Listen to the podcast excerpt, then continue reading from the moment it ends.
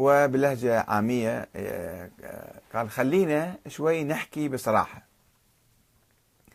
إذا صار عند الناس في شك بوجود الإمام المهدي بحس في مشكلة كبيرة أو أحس في مشكلة يعني توجد مشكلة كبيرة ممكن تصير.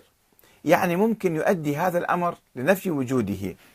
وإذا صار هيك أو هكذا يعني فسوف ييأس الناس.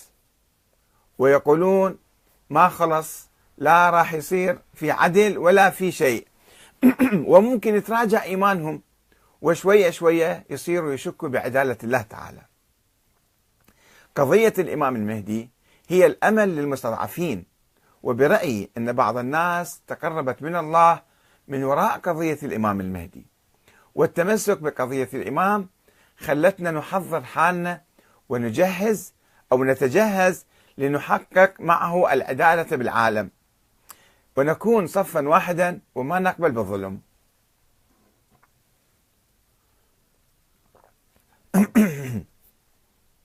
وأجبت الأخ الموسوي. الأخ العزيز علي الموسوي. إن الإيمان بوجود إمام مهدي لم يخرج أكثر من ألف عام. طوال أكثر من ألف عام لم يخرج. ولن يخرج في المستقبل.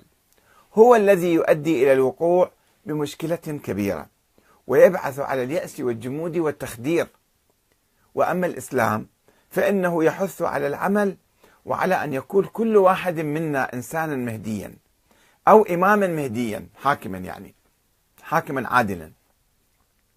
يملأ الأرض قسطا وعدلا بعد أن ملئت ظلما وجورا. إن الله أعطانا الهدى في كتابه المبين وعلينا العمل به. ولم يقل لنا انتظروا شخصا معينا لكي تطبقوا الدين وتحققوا الحق وتنشر العدل وتحارب الظلم. وهذا ما يفعله الشيعة اليوم في مواجهة الصهيونية والاستعمار والاستبداد. قاموا بثورات وشكلوا حركات مقاومة وأقاموا حكومات ولم ينتظروا أحدا فإذا هذا ممكن. أن الإيمان بفرضية وجود الولد للإمام العسكري والقول بأنه إمام معصوم ومهدي منتظر وغائب أضر الشيعة خلال ألف عام وأخرجهم من مسلح التاريخ وعطل الدين ولا سيما فيما يتعلق بالدولة من جباية للأخماس والزكوات أو إقامة الحدود أو إعلان الجهاد أو إقامة صلاة الجمعة وكل ما يتعلق بالدولة من أحكام.